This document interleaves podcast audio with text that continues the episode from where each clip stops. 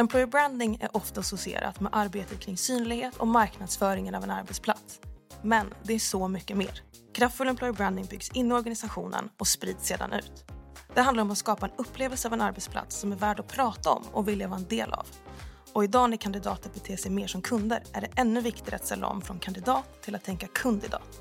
Du lyssnar på Kandidatresan, en podd av Visma Talent Solutions med mig, Katrin Chamera. AI har fullkomligt exploderat i tillgänglighet och allt tyder på att det är här för att stanna.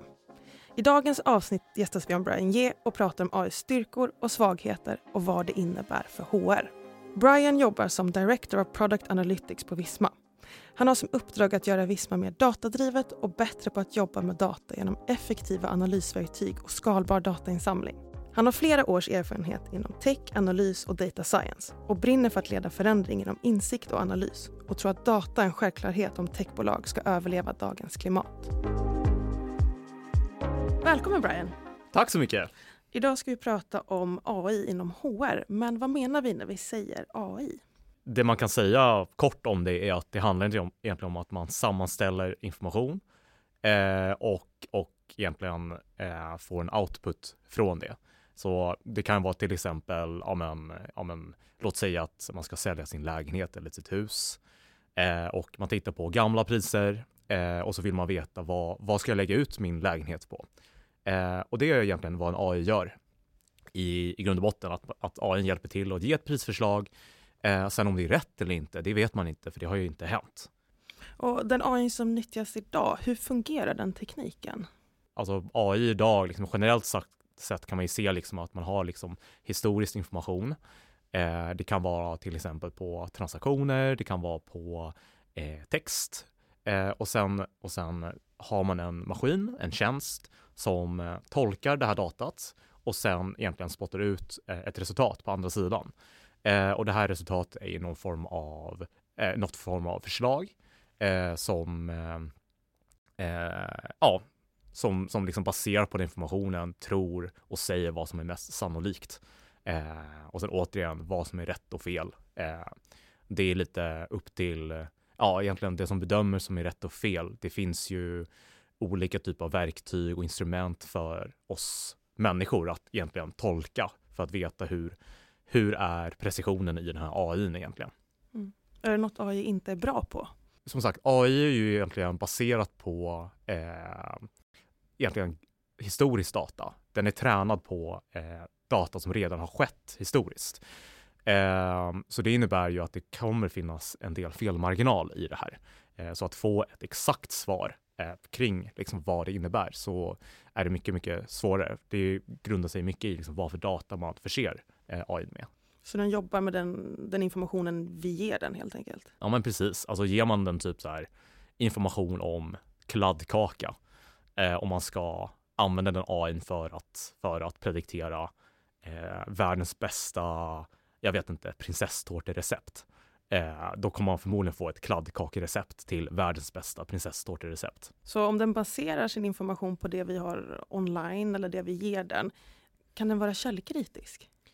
Eh, ja, det grundar sig verkligen i liksom det datat som det är tränat på. Eh, så har man liksom ställer man liksom en fråga i, en, i ett område då, där det finns väldigt mycket material som är väldigt nyanserat, eh, då kan man nog förvänta sig att AI kan ge ett väldigt bra svar. Men låt säga att man har, en, har ett område där det finns så här, ja, väldigt lite information om. Eh, då kan det vara lite svårare att vara, liksom, att, att liksom förlita sig på, på AI så att säga.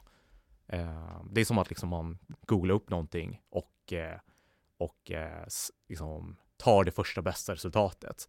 Är det liksom källkritiskt? Eh, förmodligen inte, för förmodligen har den som har satt upp informationen i Google eh, gjort medel för att liksom se till att det kommer högst upp för att påverka en persons eh, eh, beslutsfattning. Vad är de största styrkorna med, med, AI? Den största styrkan i AI är ju att man, man kan använda det som ett hjälpmedel i, i vardagen. Eh, framförallt för att förstärka liksom, någon, någon befintlig process som tar otroligt lång tid. Om vi tar liksom, ett rekryteringsexempel Eh, det kan vara till exempel att skriva ja, men, jobbannonser till exempel. Eh, kanske inte att man tar självaste, låter liksom AI ta självaste beslutet för jobbannonsen, men att skapa självaste utformning av jobbannonsen. Eh, det tar kanske väldigt lång tid eller att ge till exempel feedback till kandidater som, har, eh, som man behöver ge besked till. Och om man problematiserar lite, finns det några utmaningar eller risker? Jo, men det, det tror jag att det finns. Det, det är som egentligen vilket annat tech eller IT-fenomen som finns i världen. Att liksom sker det någonting och man kan använda det fullt ut, då finns det alltid, man ska alltid falla tillbaka och reflektera lite grann över vad, vad det faktiskt man gör. Och vi har ju alltid lärt oss att vara källkritiska eh, från barnsben. Eh, och liksom, det, är det är ingen skillnad här egentligen, att man, man ska se över och tänka sig kring liksom vad man faktiskt ska använda det här till. Mm. Eh, ja, men till exempel, det är ju en människa som har utvecklat en AI. Eh, och det, är liksom, det grundar sig ganska mycket i vad, vad för antaganden eh, liksom utvecklaren till AI eh, har gjort. Då. Den stora frågan kring AI är ju liksom, vill man förstärka eh, en befintlig process så att man gör det bättre och snabbare som AI är väldigt duktig på att göra? Eller kan man liksom, ska man liksom bara ersätta en resurs helt och hållet? Och det är ju lite svårt för, för, för om man liksom går in i området att ersätta, eh, då börjar man helt plötsligt gå in i en, som, som, som sagt, en lite mer filosofisk fråga i vad är korrekthet? Vad är korrekt, en korrekt bedömning? Eh, vill vi låta en AI liksom göra den korrekta bedömningen? Eh, liksom är korrekthet mänsklig?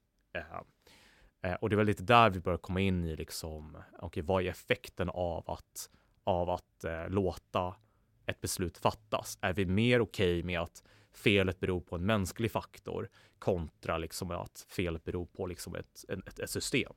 Vi var inne lite på det kring eh, HR och rekrytering, vilka möjligheter som finns. Men vad finns det för andra områden man kan använda AI till för att stärka upp på HR och rekrytering?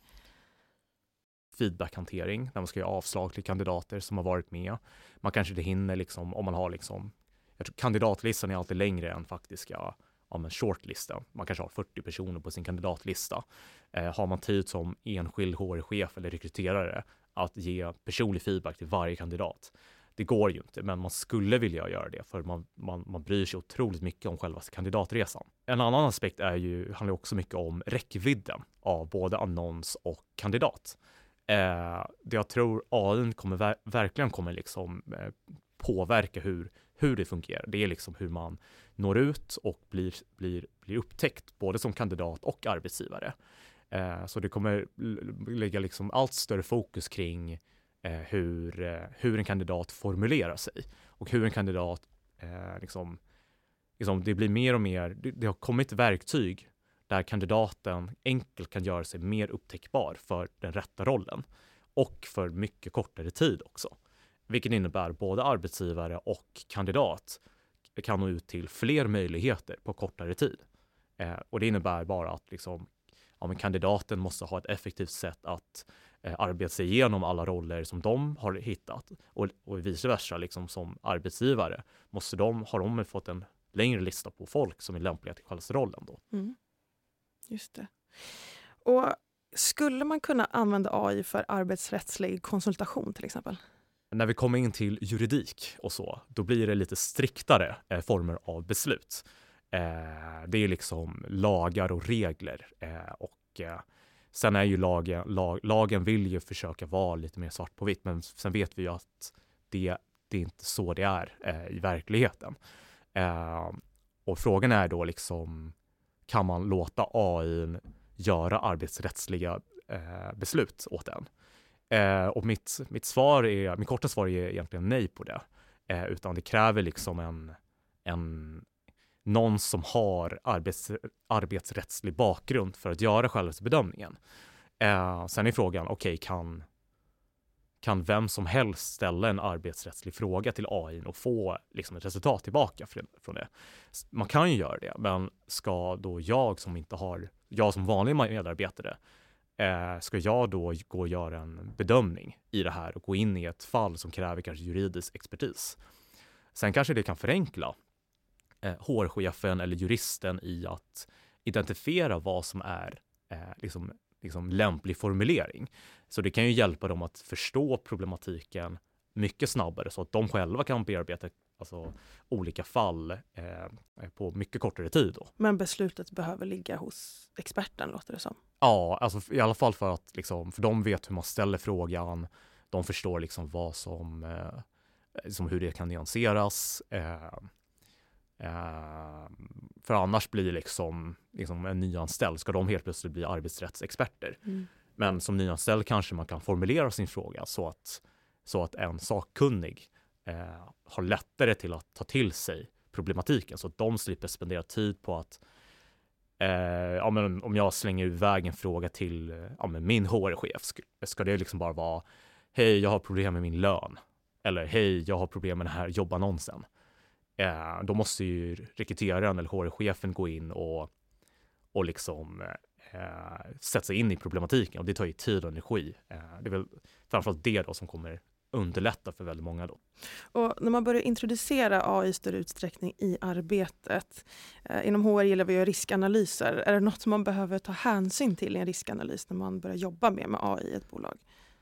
Mitt svar på det här är ju såklart ja. Eh, det krävs ju en form av riskanalys i allt man gör. Eh, och om man rullar ut det här till liksom en stor skala, eh, vad innebär det liksom? Alltså dels, alltså jag som, och jag ska börja hålla på och skriva om personkänsliga grejer till en AI, då blir en fråga en leverantörsfråga och en databehandlingsfråga. Vem får tillgång till det här datat? Det är ändå till slut ett IT-system som hanterar den här datahanteringen. Vad har vi lovat ut och vad de lovat ut till oss till hantering av den här typen av personkänslig data? Och där återigen tillbaka till hur man, hur man leder liksom och hur man, hur man ställer frågan. Att den som ställer frågan bör vara medveten över konsekvenserna i det så att säga. Det låter som att det är en konst att ställa frågor till, eh, till AI. Verkligen, det blir, det blir det. De, och det har vi sett, den förändringen har vi sett många år nu. Eh, sen, sen begynnelsen av Google. Eh, så liksom jag tror alla använder Google eller någon sökmotor eh, för att eh, förstärka sitt arbete. Eh, och liksom ganska likt här då så, så liksom, eh, liksom den som ställer den bästa frågan och den tydligaste frågan för sitt användningsområde och kan nyttja det effektivast, de blir ju, de kommer ju skilja sig från alla andra över tid. Då. Kan det vara relevant att erbjuda utbildning i hur man eh, arbetar med, med AI för de rollerna som kommer göra det framåt? Jag tror på en individnivå, liksom vem som helst har tillgång till AI eller ChatGPT som är det stora verktyget som, som har rullats ut till allmänheten. Eh, där blir det liksom att man, eh, att man eh, eh, kan själv liksom go nuts i verktyget och göra exakt som man vill helt enkelt. Eh, men sen är frågan liksom, kan, kan man eh, på ledarskapsnivå inser att okay, effektiviteten ökar? Betyder det att vi kan skära ner på resurserna på ett bolag? Eh, och det är ju en väldigt, återigen en väldigt intressant fråga. Eh, för det handlar ju mycket om att, eh, om att liksom, är man dukt, hur duktig är man på att ta till sig den här effektiviteten?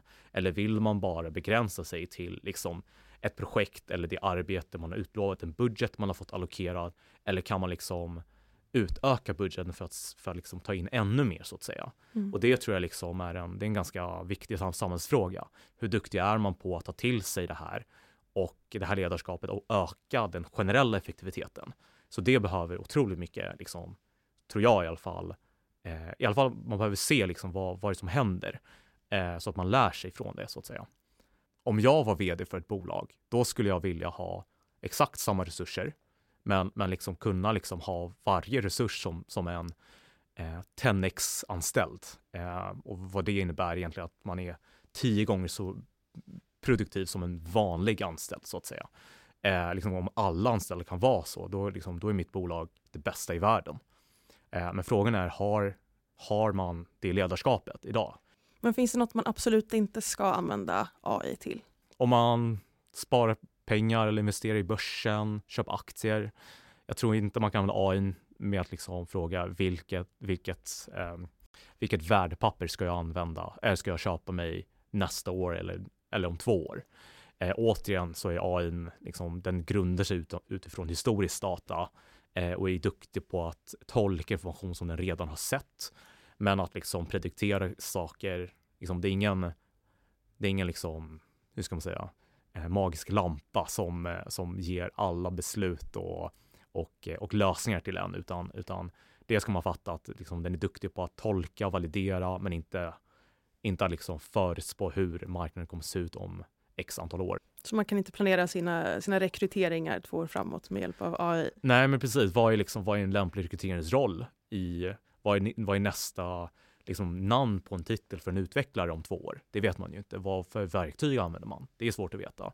Eh, men det man kan kanske få liksom en idé om vad, vad, vad, finns det, vad finns det idag? Vad, hur man applicerar det? Och sen liksom den som är sakkunnig inom kanske utveckling då, eh, de kan ju göra bedömningen om, om liksom, okay, vad är lämplig approach framåt då? Och sen efter det då så kommer det säkert bli data input till AI. Eh, men det kommer vara en viss fördröjning på det sättet då. Mm. Det ja. låter som att AI inte kan ta över helt utan vi behöver människor som fattar viktiga beslut. Det leder mig lite in på nästa fråga. Utöver det, finns det någonting med den mänskliga faktorn som kommer behövas inom HR och rekrytering framåt, även om vi jobbar mer med, med AI som stöd? Jag tror liksom jag som arbetstagare eller medarbetare vill ju veta vad för vibe det är på bolaget. Eh, och eh, jag tror det är svårt.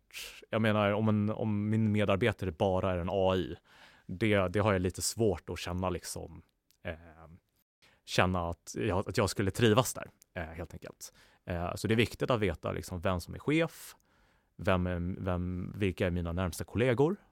Eh, men det jag kan göra är att hjälpa liksom, både i beslutsfattande och liksom, sökande att sammanställa information om mottaganden, mottagandet.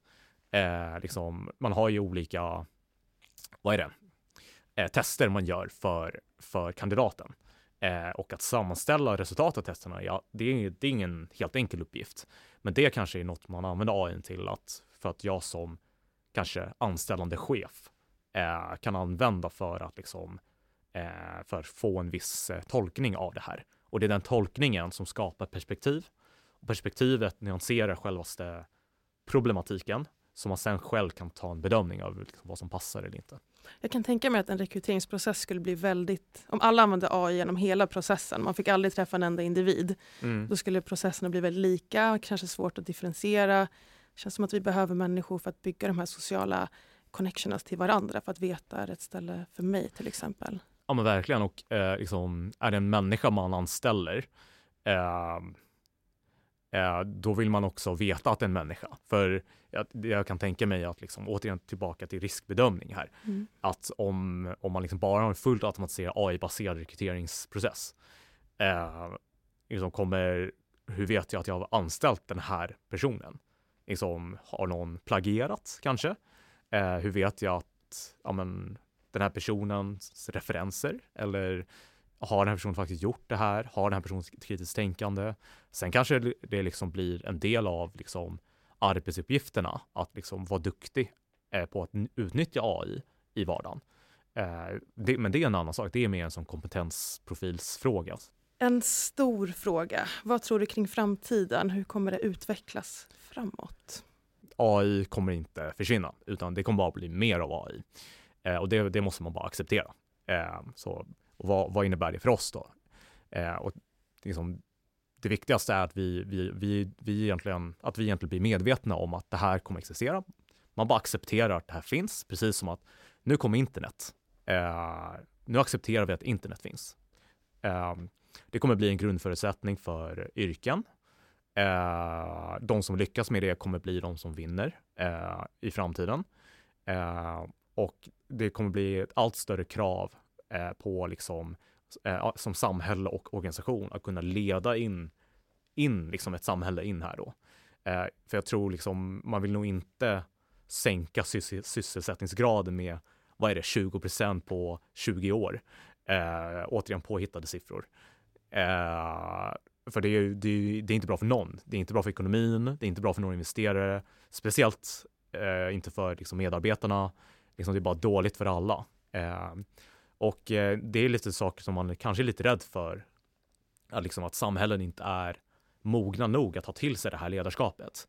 Eh, så det går ju runt en, eh, nu kommer jag inte ihåg vad den heter, men ett AI, Stop AI Open Letter som är signerat av runt 27 000 personer där flera olika otroligt kända tech-entreprenörer har signerat det här. Och det validerar ju att okej, okay, nu, nu, nu, nu stannar vi av lite grann. Innovation är coolt, men vi måste tänka på sam samhällskonsekvenserna av det också.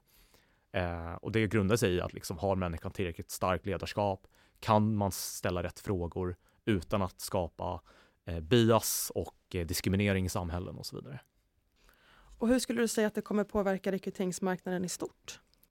Den största skillnaden kanske kan bli, liksom, liksom om man tittar från kandidatens perspektiv, eh, hur, man, hur man marknadsför sig själv. Eh, det kommer vara ett större behov eller krav på att eh, en, en kandidat eh, gör sig mer sökbar. Eh, man visar upp sin profil mer och gör sig själv mer, eh, för liksom vad är det som kommer, om man har en AI som letar upp kandidater, då kommer den AI baseras liksom sitt sökande på information. Och har man liksom data på, om sig själv eh, på, ute i nätet, liksom, ja, men, historier, use cases, ja, men sitt CV eller LinkedIn eller vad som helst, Eh, de kommer ju klassas som en mer relevant kandidat än andra. En, en attraktiv kandidat blir en kandidat som är duktig på att utnyttja AI. Speciellt när liksom en arbetsgivare inte riktigt vet vad AI ska ta vägen så blir det ännu viktigare att man får in kompetens eh, eller, eller liksom, i alla fall medarbetare som har liksom en inställning att vilja använda AI till liksom, för att göra sig själv mer produktiv och bygga lösningar som, som funkar ännu bättre så att säga. Och avslutningsvis, eh, om lyssnarna ska ta med sig tre saker kring hur man kan jobba med AI inom HR och rekrytering, vad ska man ta med sig då? Den första aspekten handlar om att eh, förstå att, eh, att, eh, att eh, AI är en effektivitetshöjande eh, effekt på samhället. Det kommer bli ett verktyg som berikar din produktivitet. Ja, men till exempel istället för att spendera hela dagen på att eh, skriva en annons kan man istället använda AI till att skapa tio annonser med olika tonaliteter och sen själv välja det som passar bäst för en specifik målgrupp. Då. Eh, den andra biten är att man ska vara medveten om begränsningarna. Återigen är, det, är AI bara en maskin eller en tjänst som, är, som grundar sig på liksom data eh, från, eh, från historiska händelser.